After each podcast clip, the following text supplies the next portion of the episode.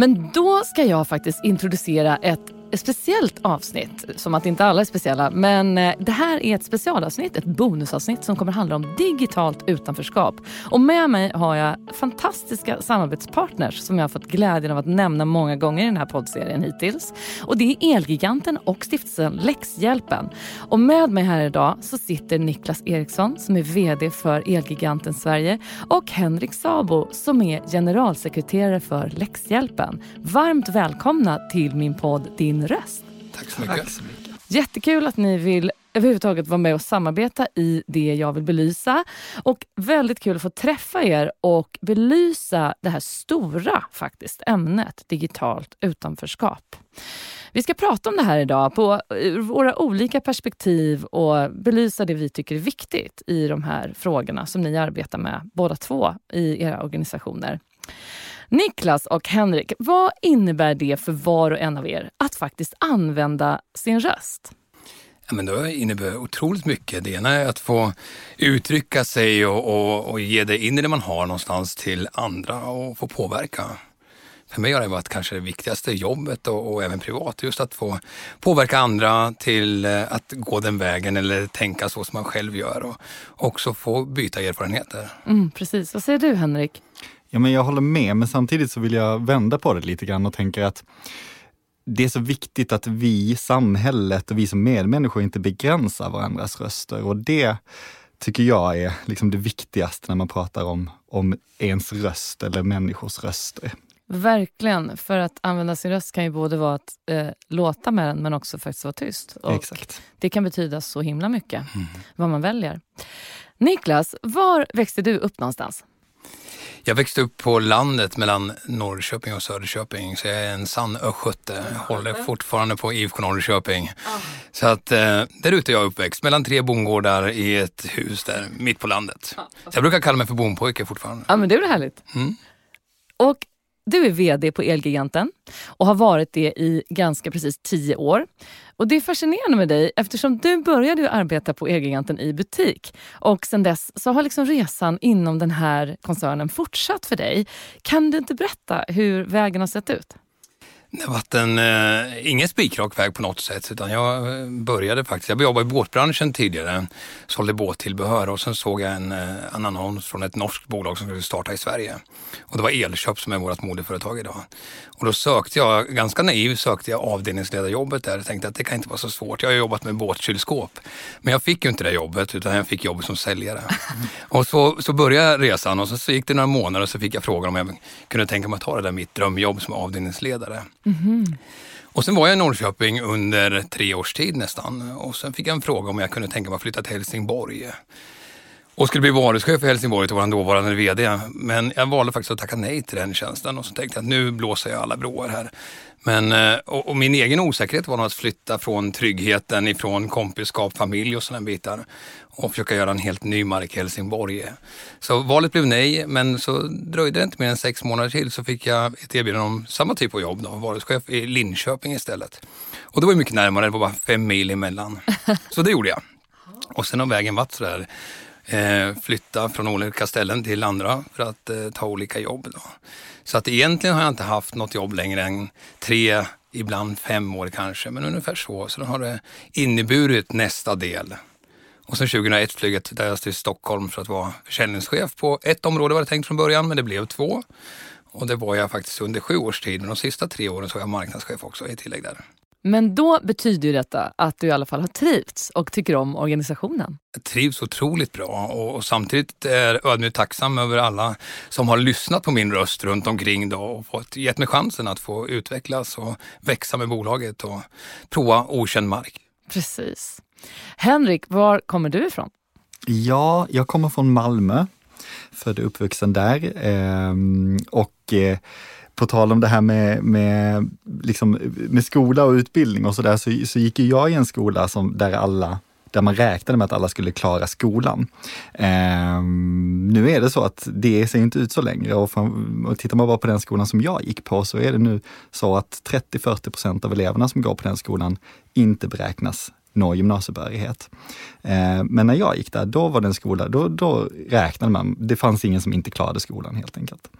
Och du är generalsekreterare på stiftelsen Läxhjälpen som jag sa. Och Mm. Läxhjälpen har funnits i 15 år och du har varit där till och från under åtta år. Mm. Berätta hur din väg i den här organisationen har sett ut. Ja, nej men eh, och, återigen så om jag backar bandet lite grann så eh, det här med liksom den självklara vägen har inte alltid funnits där för mig, utan det, eller det har inte varit ett, själv, en, ett självklart vägval, utan jag jobbade ganska många år i facility management-branschen, hamnade där eh, och fick växa där som ledare och chef. Men kände hela tiden att det brände brände till lite grann så fort jag pratade om utbildning eller olikvärdig utbildning framför allt och kom då i kontakt med Läxhjälpen för ett bra tag sedan. Och eh, där började jag som projektledare från början. Eh, och som du sa, jag har varit där till och från lite grann, var, ledde en annan organisation som jobbar med integrationsfrågor ett kort tag och kom sen tillbaka i rollen som generalsekreterare för tre år sedan. Ah. Och vi sitter här tillsammans idag eftersom vi valt att tillsammans lyfta frågan om digitalt utanförskap i den här podden. Vi ska alltså ägna en stund åt det här ämnet som jag inte var speciellt bekant med innan vi började prata om det här tillsammans. Vad skulle ni säga att ett digitalt utanförskap är? Jag skulle säga att det är ganska brett egentligen, för det handlar ju om att vi har ett samhälle runt omkring oss som digitaliseras och förändras otroligt snabbt. Och i och med den förändringen så sker det också svårigheter att hänga med eh, i många olika former. Allt ifrån att vi har äldre som inte riktigt hänger med i den här utvecklingen och det är mer bekant för oss, men också att det sprider sig i olika åldrar. Eh, också i olika delar av Sverige. För vi ser också att det är också regionala skillnader mellan hur mycket man har digitaliserat eh, olika delar i samhället men också hur mycket utbildning och kunskap man har runt omkring produkterna och möjligheten till att faktiskt ta del av den underbara världen och teknik och digitalisering som det faktiskt är i grunden, men också utmaningar som finns där omkring. Mm. Vad skulle du säga att digitalt utanförskap kan vara, Henrik? Ja, men eh, jag instämmer. Det är så väldigt brett. För tittar man på statistiken så är det ju så att mm, liksom det primära digitala utanförskapet, det hittar man hos äldre. Men vi ser också att det då är hos äldre som har en låg utbildningsnivå. Min oro är att vi skapar nya generationer av digitalt utanförskap. Bland unga idag så är det relativt många som känner sig digitalt inkluderade, men återigen när det är så väldigt många som inte klarar skolan ens en gång, eh, hur påverkar det deras resa, eller deras digitala resa i takt med att den digitala utvecklingen fortgår? Eh, och det ser jag som, en, som, som ett orosmoln framåt. Absolut. Jag har haft olika gäster här under eh, de veckorna som podden har funnits. Eh, 13 mars lanserades podden Din röst inför att det då var ett halvår till riksdagsvalet. Och jag har ju haft mycket fler eh, än liksom politiker och politiska profiler här eftersom jag vill belysa olika saker utifrån olika gäster och röster. Hur kommer det sig Niklas att ni ville vara med och lyfta det här eh, ämnet i min podd? Ja, men vi ser oss, om man till lite historiskt från Elgigantens perspektiv, så ser vi oss som en del av problemet men också en del av lösningen. Och, och det handlar mycket om att vi säljer ju elektronik och vi bidrar till den här digitaliseringen i folkhemmen. Men vi har, och, jag ska säga, och vi har gjort en undersökning under tio års tid där vi tittar på förändringen i samhället runt omkring digitalisering och tittar på och kunna sett då de här klyftorna som byggs upp både bland yngre, äldre och i andra grupper också. Mm. Och sen 2016 så startade vi en fond för att egentligen driva vår hjärtefråga med exkluderande ur samhället som inte var digitalt fokuserad då utan började egentligen med Friends som jobbade och motverkade mobbing bland unga och äldre. Eh, och sen så utformades successivt till att det gick ihop med, med digitalt utanförskap. Den här undersökningen, vi såg att klyftan växte och problemen blev större. Så idag så är det en av Eliantens alla 3600 anställdas hjärtefråga som vi driver tillsammans med alla våra anställda. Och där vi ser att vi behöver göra vår röst hörd för att verkligen påverka alla runt omkring och få belysa det ännu tydligare. Så det, det jobbar vi mycket med idag. Ja, när vi släpper det här avsnittet i eh, min serie så slutar de allra flesta barn i Sverige i skolan för det här läsåret. Och då har ju inte alla nått sina mål. Henrik, du nämnde en siffra för mig innan. 16 058. Mm. Vad står den siffran för? 16 058, det är antalet niondeklassare som stod på skolavslutningen förra läsåret utan behörighet till gymnasiet. Så 16 058 elever som inte klarade grundskolan. Eh, och det är en siffra. Det är statistik, men det är också människor. Det är barn, unga bakom varje siffra där. Eh, och jag ser det som ett av mina största eller primära uppdrag att prata om den här siffran, att fler känner till den och att vi också kan göra någonting åt det. Vi måste få den siffran att minska. Verkligen. Det är hisnande att tänka sig ett ungdomsansikte bakom de siffrorna. Ja. Hur stor del i den här siffran skulle man kunna ana beror på ett slags digitalt utanförskap? Ja, det är svårt att säga. Eh, jag har inte sett någon exakt eh, statistik på det, men, men vi ser ju att elever som eh, bor i glesbygden till exempel, där finns det väldigt stora utmaningar. Man kan kalla det för glesbygden, bruksorter, mindre orter, men orter i alla fall som inte är storstadsregionerna. När man pratar om, om att inte klara skolan hos gemene man så tror jag att det väcker tankar kring, kring förorten. Man tänker kanske på Rinkeby, Hjulsta, Rosengård, Husby Visby. Man tänker inte så mycket på Vingåker eller Haparanda eller Sjöbo där det inte finns en enda behörig mattelärare. Eh, och i och med den geografiska spridningen, eller de geografiska utmaningarna, så kan man i alla fall ana att det, det finns eh, utmaningar, utmaningar i det digitala utanförskapet också. Vi pratar också om hemmasittare ganska mycket nu för tiden, mm. eh, där det finns ett stort antal elever som inte eh, ta sig till skolan eh, överhuvudtaget. Och där har man ju sett ett visst uppsving under pandemin, där en del av undervisningen har varit digital, att man kan nå hemmasittare och det är faktiskt en grupp som har gynnats lite grann eh, under pandemin. Så att eh, det finns ju bara positiva vinningar om vi kan liksom öka digitaliseringen och förbättra de digitala möjligheterna för, mm. för elever idag. Hur hittade ni varandra? Hur blev det så att Elgiganten började stötta eh, läxhjälpens arbete?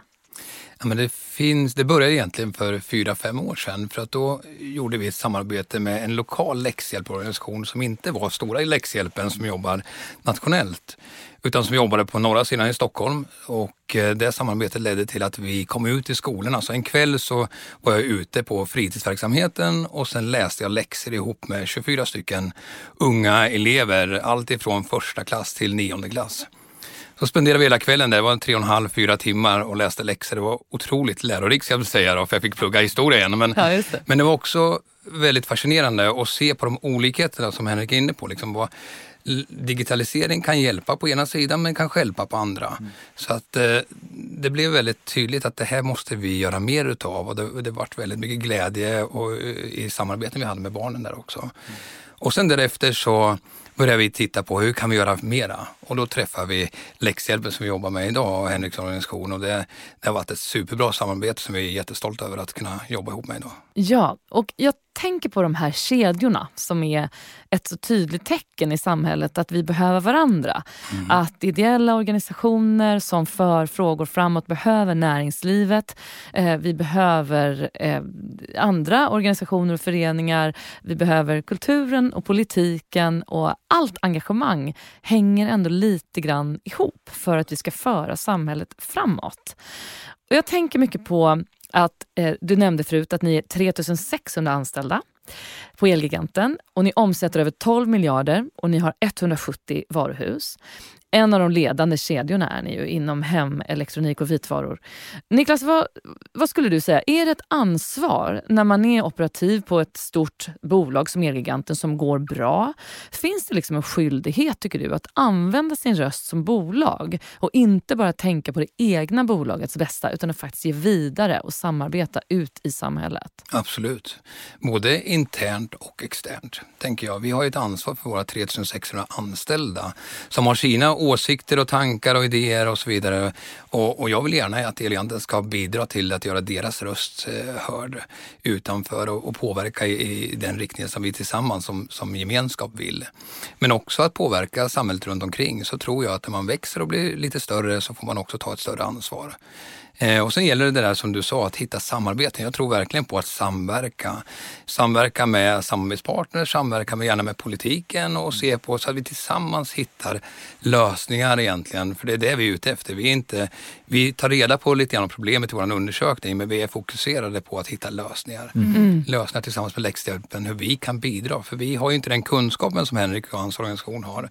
Utan vi vill kunna hjälpa till och göra den kunskapen ännu mer tillgänglig. Mm. Och så ser vårt samarbete mm. ut idag. Mm.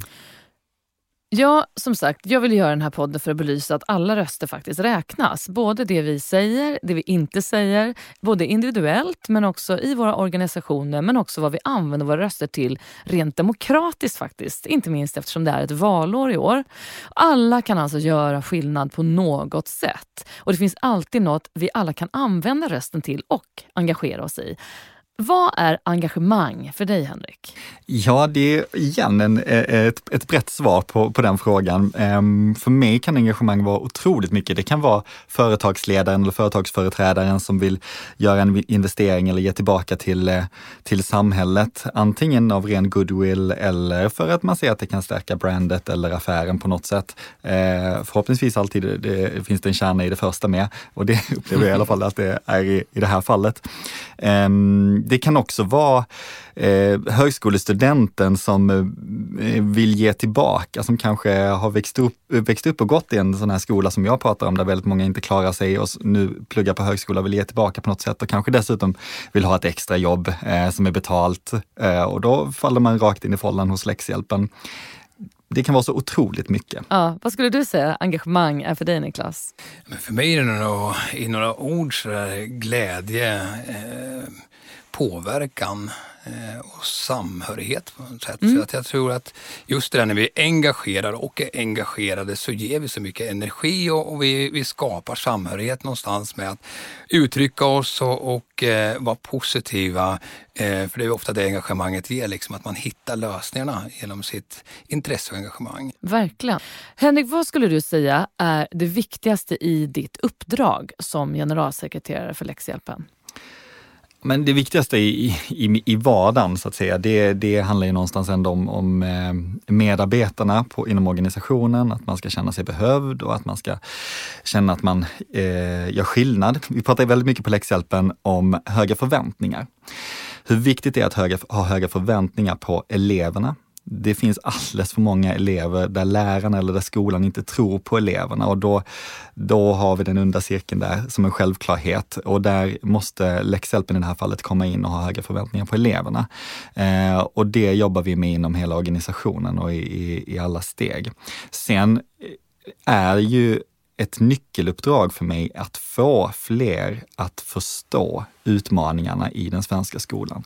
Att de här 16 058 barnen, unga människorna finns varje år. Så här det sett ut i 20 år.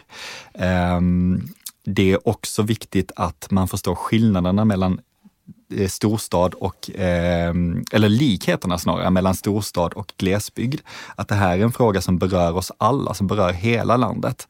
Eh, och framförallt att det finns lösningar. Det går att skapa förändring. Eh, det ser jag nog kanske ändå som ett huvuduppdrag att förmedla det budskapet. Och hur tror ni, var och en och tillsammans, att vi kan faktiskt göra någonting eh, och förändra det här? Hur kan en förändring och utveckling på det här området se ut? Ja, den kan nog se på många olika sätt tänker jag. Då. Men, men jag tror på det här som du var inne lite grann. Ingen kan göra allt, men alla kan göra något. Och tillsammans med alla små initiativ så kommer vi att skapa en förändring, en förbättring och, och eh, belysa området. Och det, tillbaka till ditt engagemang här. Det handlar ju också om att genom engagemang kan vi skapa intresse och förståelse.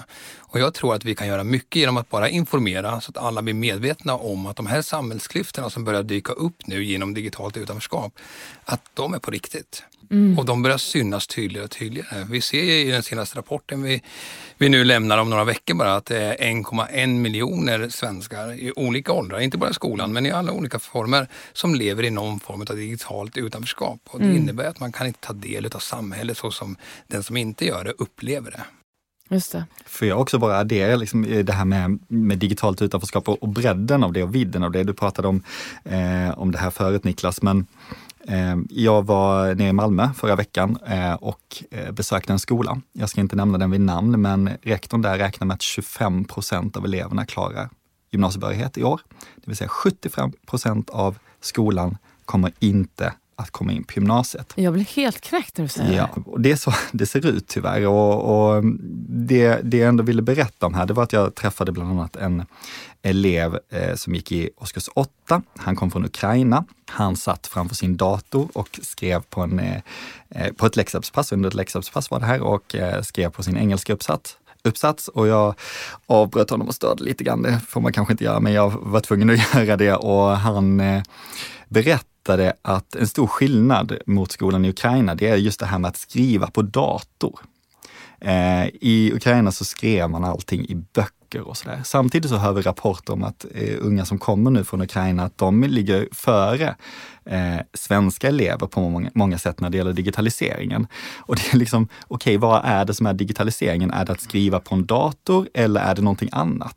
Eh, han ville bli systemutvecklare till exempel, men hade utmaningar med att skriva på dator, men var helt eh, supertoppen på och slängde sig med begrepp och ord som jag aldrig har hört talas om. Ja, just det. Så engelskan var det inget fel på? Nej, precis. Eh, och, men jag tycker ändå att det, det, det nyanserar liksom bilden av det digitala utanförskapet. Precis, det behöver inte vara alltid det vi ser framför oss. Nej. När jag för första gången kom i kontakt med det begreppet, eh, det var inför det här samarbetet, och då såg jag framför mig de äldre som kanske inte kunde boka sin coronavaccination mm. i sin telefon. Det var liksom min första bild av så här, hur kan det se ut när man inte hänger med i den digitala utvecklingen.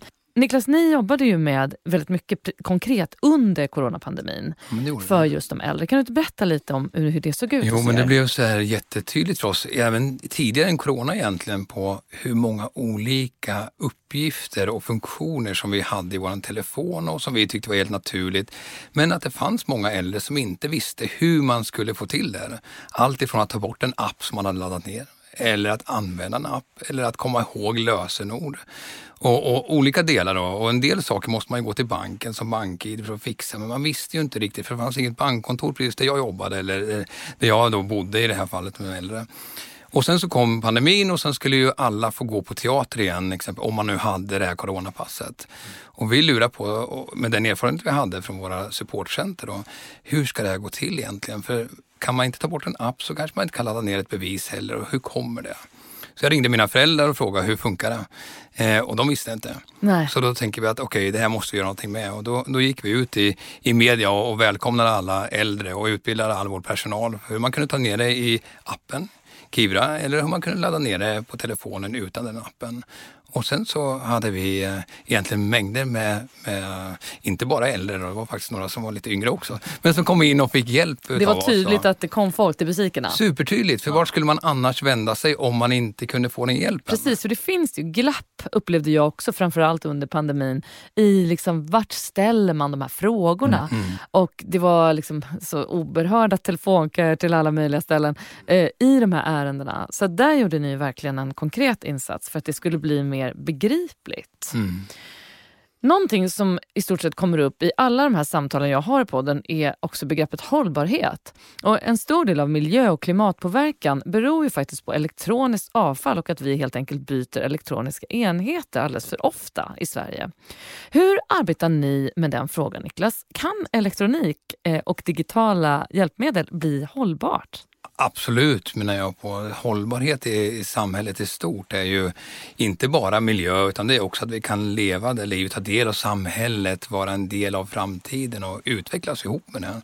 Eh, och, och där i kommer ju elektronik in som ett hjälpmedel, som en förutsättning tror jag. För om vi bara tänker själva på hur vi skulle klara vardagen utan mobiltelefoner idag så skulle inte jag få livet att gå ihop i alla fall. Och då tänker jag, det är säkert många som, som skulle kunna göra den relationen. Så också när det gäller hållbar eh, hållbarhet runt, eh, runt elektroniska produkter.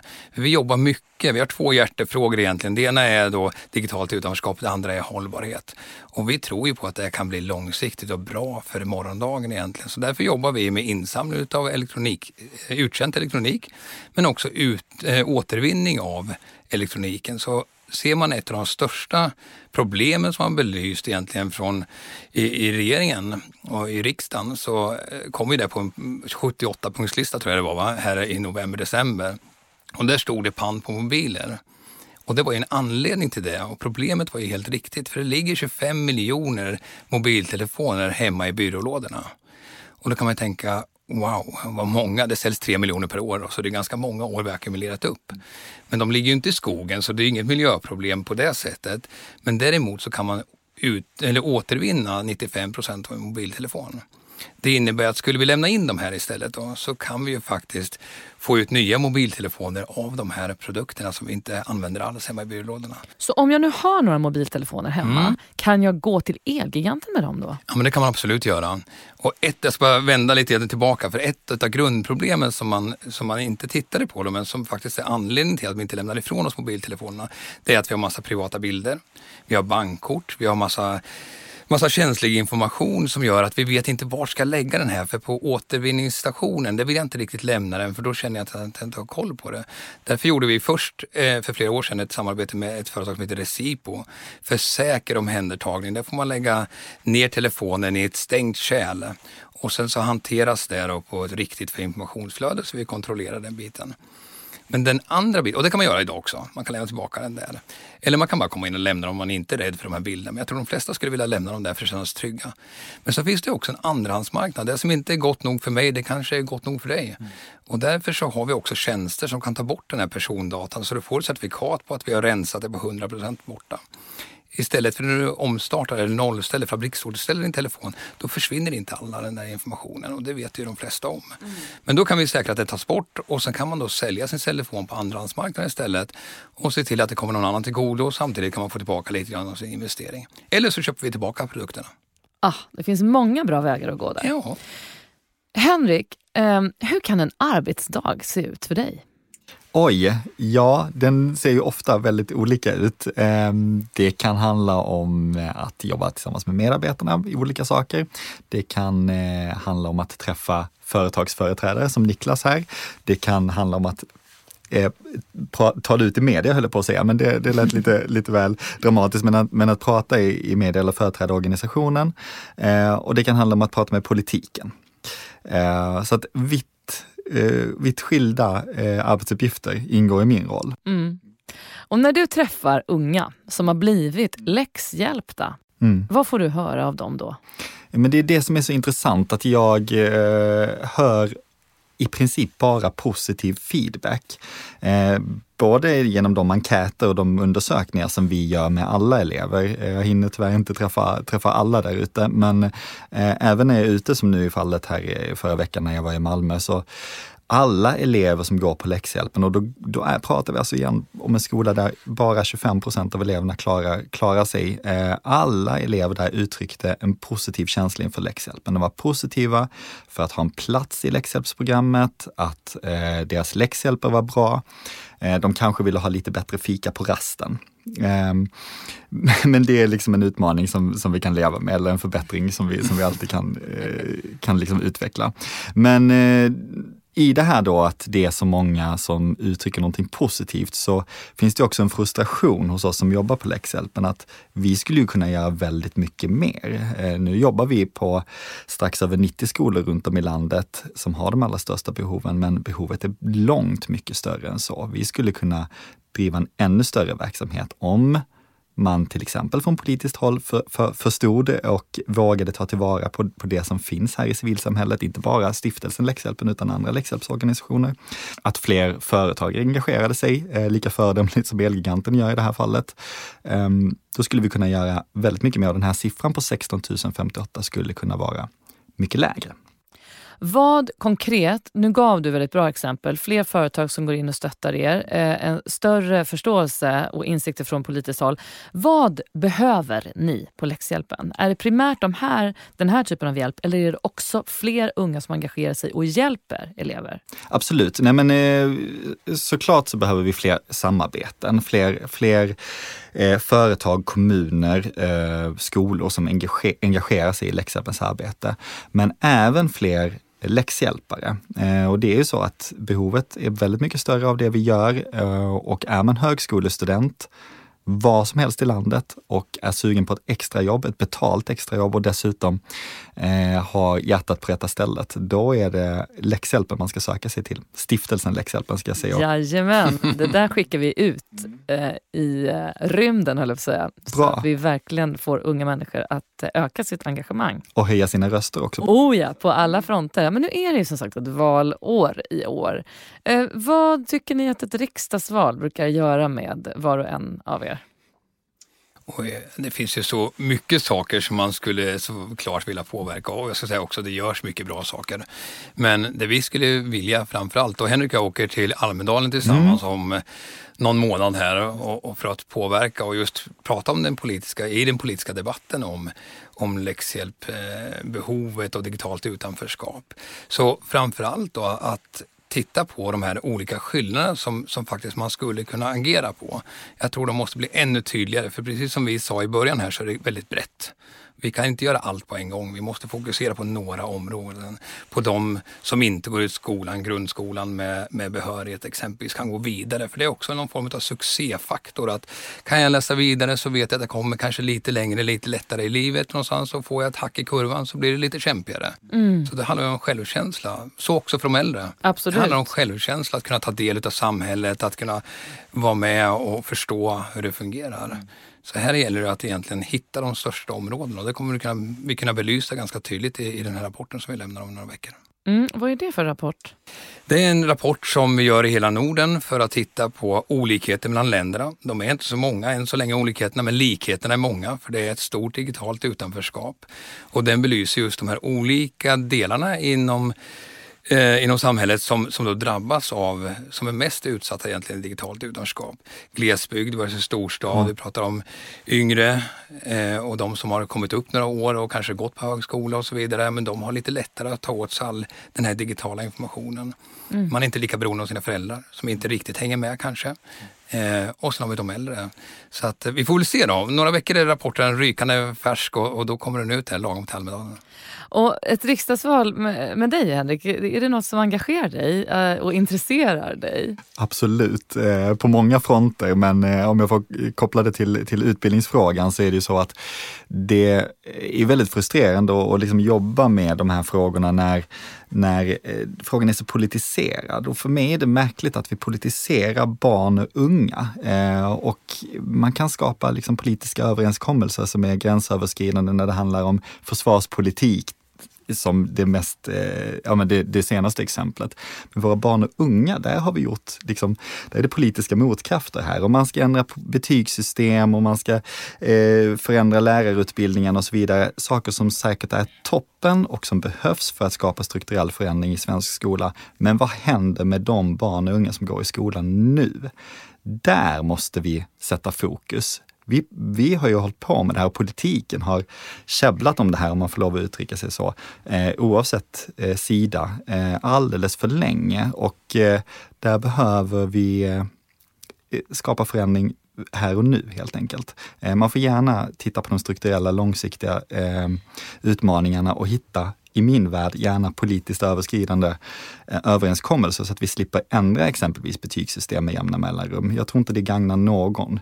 Eh, utan eh, när vi pratar om barn och unga, det, det borde, där borde politiken vara neutral. Ja, jag håller helt med dig. Jag, jag kan också vara väldigt förvånad över att det faktiskt är att det inte är lättare att lösa just den frågan. För det handlar ju också om en vilja, att vi ska lägga en grund i samhället. För ingenting kommer bli bra om vi inte grundlägger att barnen kan gå i skola och känna sig hyfsade, att känna sig liksom, att de duger och att de kan komma framåt. Det är jättemärkligt och när du säger på det sättet att där borde det vara ett, ett, en neutral mark så, och, och eh, borde ju en vilja hos politikerna räcka väldigt långt. Och där borde forskning och evidens ligga till grund och det är liksom för all politik på, på utbildningsområdet. Det finns, är det något område där det finns mycket mycket evidens och forskning på så är det ju utbildning och mm. där eh, borde man bara luta sig tillbaka på det och inte politisera frågan. Ah. Jag har också en uppfattning om att vi pratar mycket överskrifter. Mm. Eh, men det handlar om detaljer. Ja. Det handlar om konkreta detaljer där vi kan göra skillnad. Så att göra floskler på toppen, det kommer inte duga. Det kommer inte göra någon skillnad. Utan det är konkret, vad hjälper Niklas som går i den här klassen mm. med de här utmaningarna? Det måste vi göra. Absolut. Samma sak när vi kommer till de äldre. Mm. mm. Hur ser ni på påverkansarbete och vår chans individuellt och också i våra organisationer att faktiskt göra skillnad? Hur bemöts ni från Elgiganten till exempel när ni belyser de här grejerna i rapporter och så vidare? Vi får ett superpositivt gensvar från allmänheten. Vi var på Almedalen sist det faktiskt var fysiskt 2019 eh, första gången och då trodde man att vi skulle sälja produkter på Almedalen. Det skulle vi inte såklart. Utan vi visade den här rapporten och pratade med alla och vi är ute och pratar ganska mycket idag också i olika sammanhang och vi möts bara med, med hjärta och applåder egentligen och att alla vill också göra förändring. För alla förstår och ser problemet men vet inte riktigt hur man ska komma åt det. Mm. Och då kommer vi tillbaka till det Henrik säger. Det är polit politikernas eh, uppgift tycker jag. Mm. Att frigöra och se till att vi fokuserar och faktiskt kommer till en hjälp där vi alla andra vill påverka. Ja, precis. Hur bemöts eh, det du säger, Henrik, när du har kontakt med politiker om den här frågan som ni arbetar med och brinner för? Ja. Hur bemöts den? Eh, vad får du för respons? Jo, men Alltså vi på stiftelsen Läxäpple, vi får äh, väldigt positiv respons även från politiken. Eh, responsen är positiv. Man tycker att vi gör ett bra jobb, att det är viktigt att vi finns och det här är oavsett politisk sida eller eh, åsikt, eh, så grundåsikt. Det som jag kan uppleva eller som behöver förbättras, det är att det finns en stor politisk eh, protektionism kring skolan och det förstår jag för att det här är ju någonting som, som det offentliga ska klara av. Kommunerna ska klara av att driva skolor eh, och, och, man ska kunna tillhandahålla en likvärdig utbildning. Eh, det är liksom en del av uppdraget som våra politiker och, det, och eh, kommunerna har.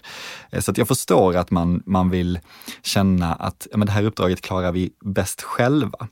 Eh, jag tror att man måste sänka garden för att tyvärr så ser det ju inte ut så. Vi ser ju det på, på siffrorna på statistiken och eh, hur det ser ut på, liksom, i skolsegregationen där det är så otroligt stora skillnader beroende på vilken skola du går i eller var du väck, råkar växa upp. Och våga ta hjälp. Det finns insatser där ute som är experter på det här, som kan få fler att klara skolan, som är vana vid att jobba i skolan, som är vana vid att jobba i skolor med låga resultat.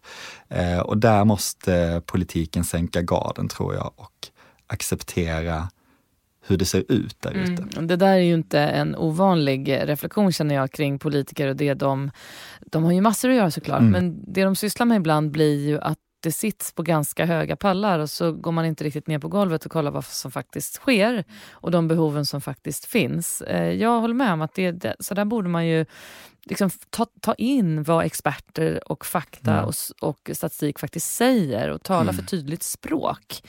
Och speciellt vad gäller barn. Mm, exakt, för, för jag måste bara säga att jag förstår verkligen politiker eller andra beslutsfattare som, som ser att eh, liksom en insats som stiftelsen Lex inte skulle behövas egentligen.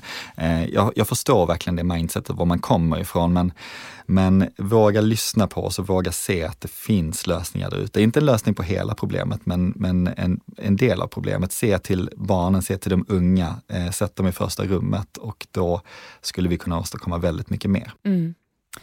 En sak som jag tänker en del på när man bara pratar om digitalisering, det är ju eh, till exempel det som har skett i väldigt många matbutiker i Sverige nu. Eh, jag tror att många saknar att kanske handla av en människa.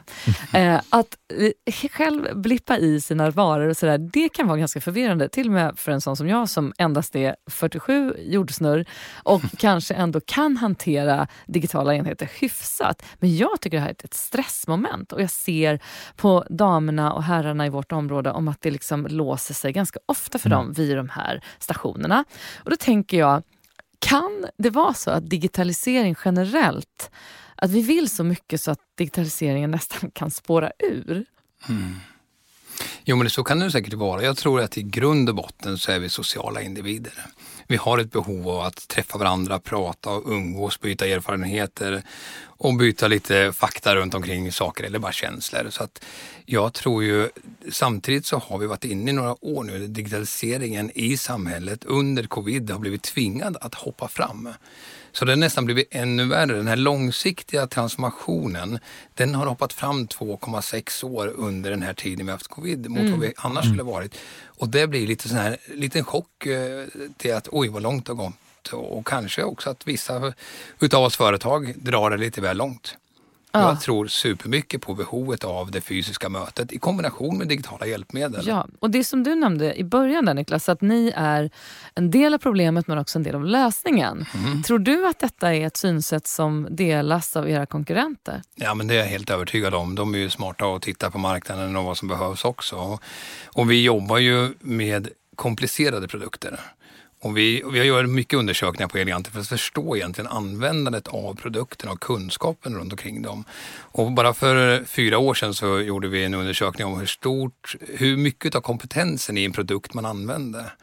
Och, och den var 50 procent ungefär av vad produkten kunde. Och då tog vi det till oss och sa att antingen ska man köpa en billigare produkt, enklare produkt som man använder så mycket som man, som man har behov för och inte betalar extra.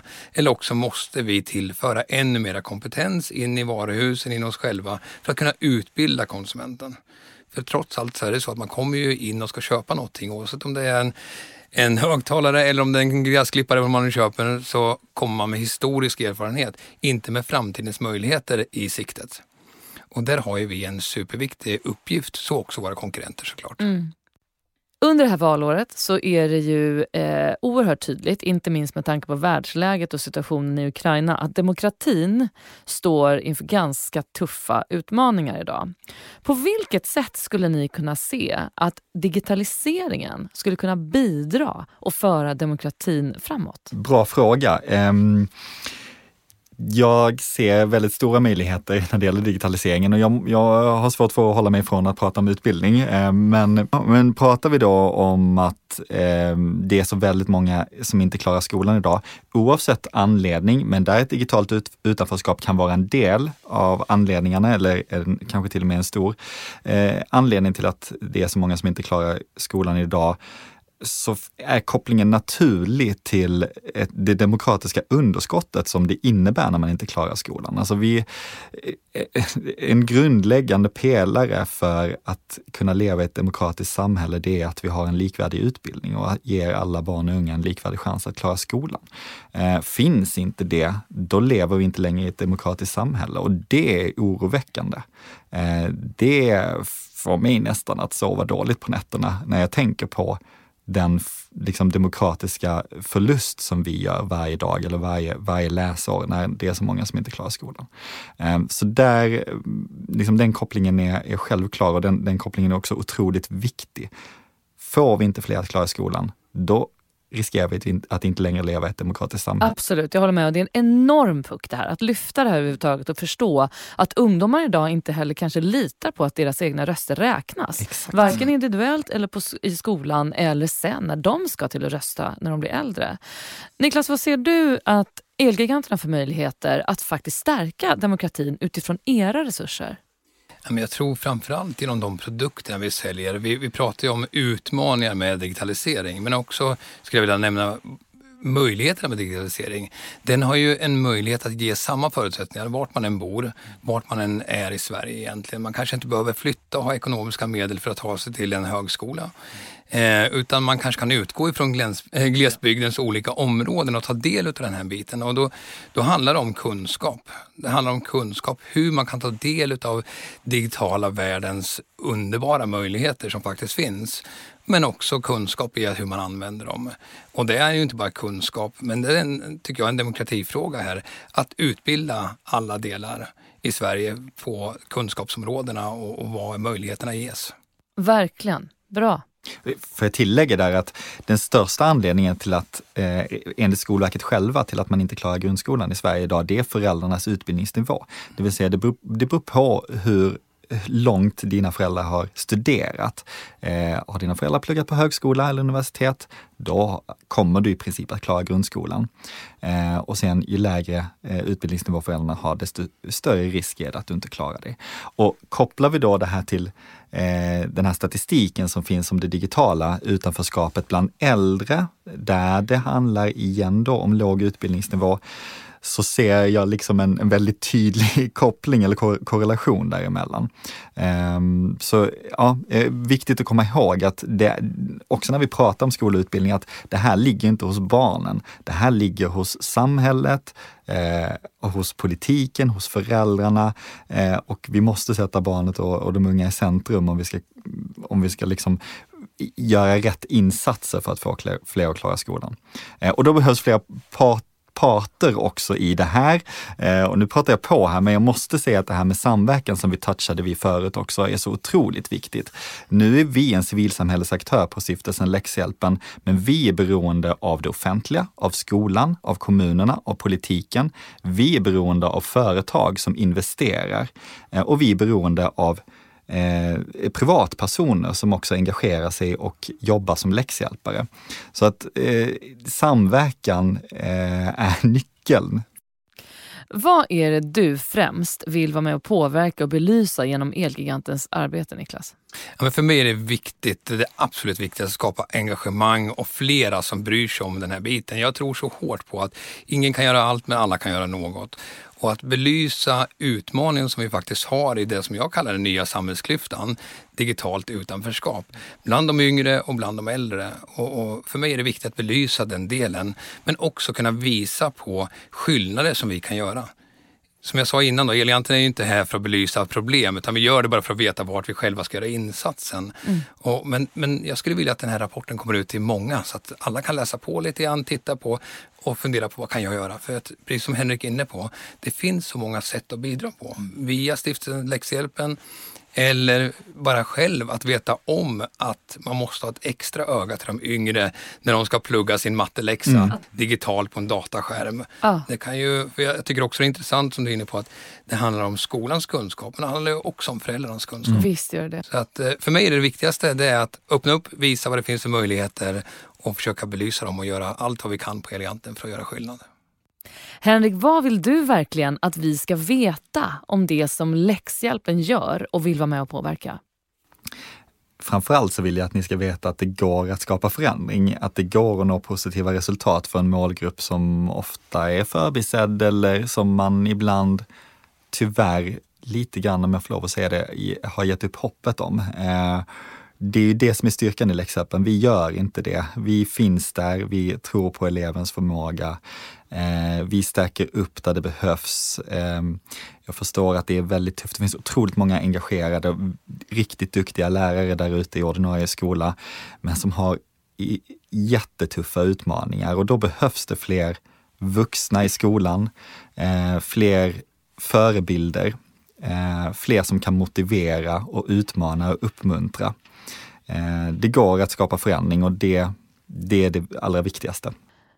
Nu går vi snart som jag sa mot ett sommarlov där en del elever eh, går ut nöjda och glada och en del absolut inte gör det. Eh, jag tänker på den digitala världen. Eh, när vi går mot ett sommarlov, vad kan vi göra utifrån era organisationer, det digitala livet och det digitala utanförskapet för att kanske eh, påminna barn, ungdomar och familjer om någonting bra inför att faktiskt inte vara i skolan på ett tag. Hur skulle, kun, hur skulle vi kunna stärka tillvaron på ett sommarlov? Oj, vi kan göra mycket, framförallt ska det roligt på sommarlovet tänker jag, men, men, det är också några olikheter som finns i förutsättningar hemma som kanske blir ekonomiska förutsättningar, olikheter och eh, med hur lekandet ser ut idag. När jag gick på sommarlov när jag var liten då var det ju springa till fotbollsplanen och sen hängde man där hela sommarlovet. Fantastiskt, med eller utan skor. Eh, idag är det ju en, en segregering med eller utan dator. Vi vet att många barn går direkt hem från skolan och sätter sig och spelar Fortnite eller vad man nu spelar, Fifa. Eh, och det finns ju några som inte kan vara med i det lekandet för det är där man träffas istället för fotbollsplanen. Mm. Så det ena tänker jag som många har pratat om runt omkring gaming som vi också jobbar med. Det är att det är farligt att gamea. Men det är inte farligt att gamea, det är farligt att inte röra på sig. Mm. Skulle jag påstå. Sen finns det mer eller mindre lämpliga spel såklart. Men, men däremot pusha ut alla våra unga ut på fotbollsplanerna och se till att vi umgås. För socialt umgänge kommer göra någonting med samman, samhörigheten, sammanhållningen och längtan för att komma tillbaka till skolan. För skolan ska vara en positiv plats. Ja. Eh, där man längtar till, även om man inte vill plugga alltid kanske. Om mm. jag frågar min son. och nu började du säga Niklas att på sommarlovet ska vi ha, ska vi ha roligt. Mm. Eh, och då eh, väcker det någonting i mig igen för att en del av, av den lösning eh, som, som man nu jobbar med det är lovskola för väldigt många elever då som inte klarar grundskolan under terminens gång. Och därför vill jag pusha igen för hur viktigt det är Bland annat för att man ska kunna ha roligt på sommarlovet. Alltså sommarlovet måste vara en fristad. Eh, tänk själv när man var 14-15 år och gick i skolan. Och så, eh, på min tid då, då fanns det ingen lovskola. Eh, men nu är det alldeles för många som behöver gå i lovskola för att liksom, plugga i kapp. Eh, vi måste få fler att klara skolan under skoltid. Eh, det tycker jag, eh, alltså under terminens gång. Och det tycker jag är en nyckel så att man kan göra det där, så att man kan röra på sig på lovet, eh, så att man kan spela om det är det man behöver göra. Eh, vi ser också den här kopplingen mellan hälsa och utbildning som är enormt tydlig. Eh, har du lägre utbildning, då har du också en sämre hälsa ofta.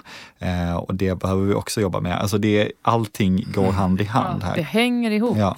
Sen vill jag säga på läxhjälpen så tittar vi också på möjligheten att, att eh, bedriva det som vi kallar för läxhjälpsprogrammet för introduktionsprogrammet på gymnasiet.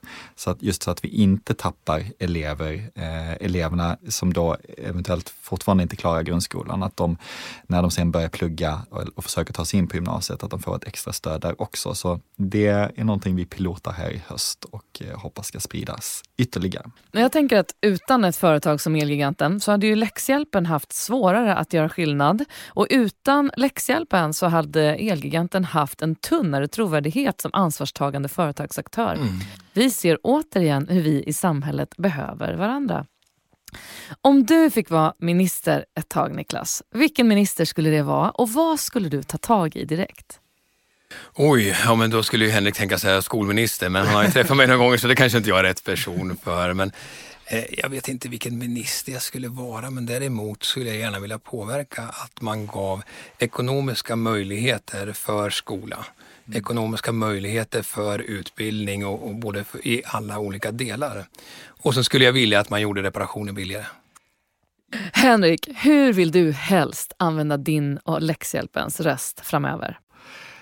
Ja, primärt så handlar det om att eh, fortsätta stärka läxhjälpen och att få ut läxhjälpen till så många elever som det bara går. Eh, vi hjälper en, eh, ett stort antal elever idag, men inte de 16 000 som vi skulle kunna stötta om vi har rätt resurser och förutsättningar. Så det är det, det primära. Ehm, jag tror också att det är otroligt viktigt att få ut kunskap om den här frågan, om utmaningarna och om lösningarna. Att det finns lösningar. Och så vill jag slå ett extra litet slag för att hitta långsiktiga politiska lösningar kring skolan. Tack för att ni ville vara med och höja era röster här i podden Din röst som ju är en serie kan man nästan säga med åtminstone 30 avsnitt mellan mars och september när vår befolkning som mest ska göra sina röster hörda. Eh, jag tror att det finns ganska många inspirerande samtal både bakåt och framåt i den här serien som ehm, vi kan hoppas att fler lyssnar på. Och jag hoppas verkligen att många lyssnar in på det här vi har pratat om idag och lyfter blicken och engagerar sig i det som är digitalt utanförskap. Och det finns mycket mer att läsa både på elgiganten.se och läxhjälpen.se. Tack för idag. Tack så mycket. Tack.